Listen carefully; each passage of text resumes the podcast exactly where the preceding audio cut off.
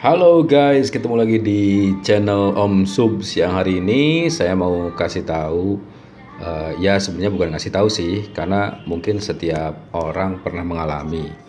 Anda mungkin hari ini sudah mendapatkan SMS isinya selamat Anda mendapatkan sebuah mobil mewah Honda Jazz biasanya. Atau misalnya dapat uang tunai sekian ratus juta rupiah begitu. Nomor pinnya sekian untuk meyakinkan gitu kan. Kemudian ada URL yang nanti bisa diklik. Ternyata begitu diklik Anda masuk ke situs abal-abal dan seterusnya. Nah, kalau misalnya iya, Anda pernah mendapatkan SMS itu atau mungkin ya tadi pagi atau barusan dapat SMS. Tapi jika sudah kepalang Anda menerima SMS seperti itu, ada baiknya Anda mengabaikannya saja. Jadi, jangan dibiasakan untuk membalas, misalnya membalas dengan Uh, ucapan-ucapan uh, yang sebenarnya niatnya sih buat lucu-lucuan kayak misalnya udah deh buat lu aja. Dan kayak gitu. Itu sebenarnya membuat nomor telepon Anda bahkan jadi masuk di daftar atau di list mereka nomor-nomor yang aktif gitu ya. Loh kok bisa ya? Iya jadi gini.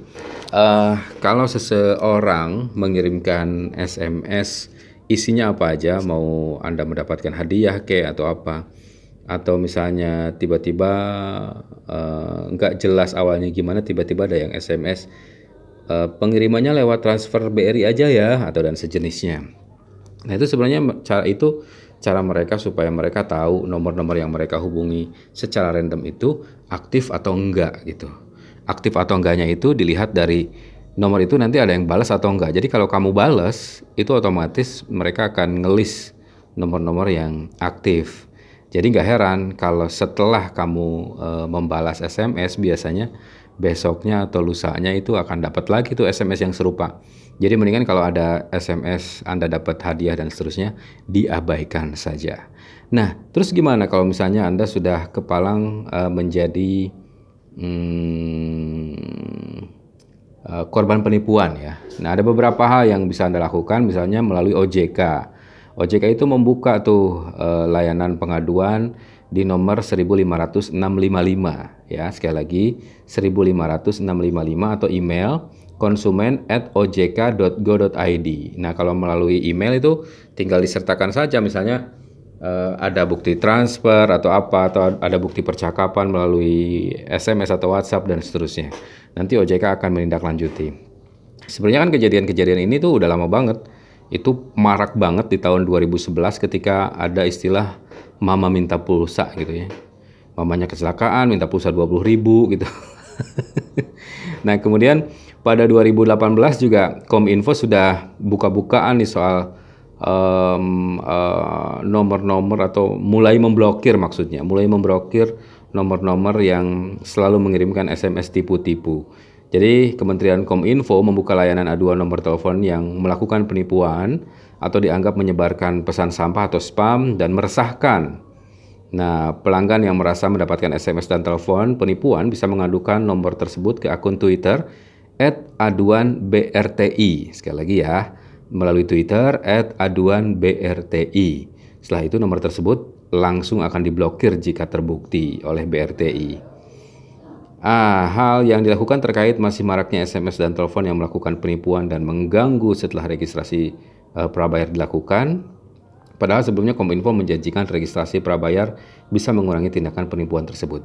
Faktanya pendengar dan juga Anda, um, faktanya setelah kita melakukan registrasi, toh yang nipu-nipu itu tetap banyak ya. Jadi intinya sih sebenarnya kembali kepada kita ya. Kalau misalnya kita tuh orangnya lebih prepare, lebih yakin bahwa itu adalah tipuan, uh, nggak bakal deh uh, kita kena tipu. Ciri-cirinya begini, kalau SMS-nya itu isinya ngasih URL yang URL URL yang uh, gratisan kayak misalnya blogspot. Yang nggak semua blogspot nggak baik sih, maksudnya mereka itu lebih lebih banyak menggunakan situs-situs uh, yang gratisan gitu. Saya nggak mengatakan blogspot itu nggak baik ya tapi ini contohnya aja. Atau misalnya situs-situs yang terlalu panjang, misalnya, uh, sorry ya saya sebut uh, merek, misalnya www.telkomsel.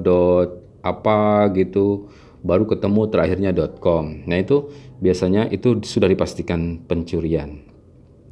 Modusnya ya begitu, dia mengirimkan SMS, kemudian di satu sisi dia minta dikirimkan uh, sejumlah uang, tapi di sisi lain mereka juga melisting tuh SMS-SMS yang bales. Nanti yang bales tuh akan dikirimin lagi SMS-SMS atau tiba-tiba ada yang nelfon. Pernah nggak sih tiba-tiba satu pagi atau satu malam itu ditelepon, yang nelfon itu adalah marketing showroom mobil atau misalnya uh, marketing bank terkenal, misalnya bank apa gitu loh kok dia tiba-tiba tahu gitu kalau nomor itu aktif dan seterusnya.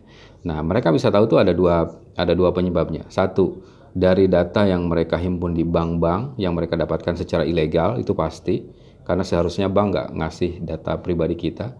Yang kedua itu ya data dari kamu sendiri, kamu sering membalas SMS-SMS nggak penting, atau misalnya daftar satu aplikasi di aplikasi-aplikasi nggak jelas di handphone, atau di komputer terus disuruh memasukkan email dan telepon, kamu masukin aja. Sebenarnya kan e, pintu terbuka lebarnya itu ternyata dari kita sendiri. Ya mudah-mudahan ini membantu ya. Mudah-mudahan membantu supaya kita tidak termasuk yang dirugikan.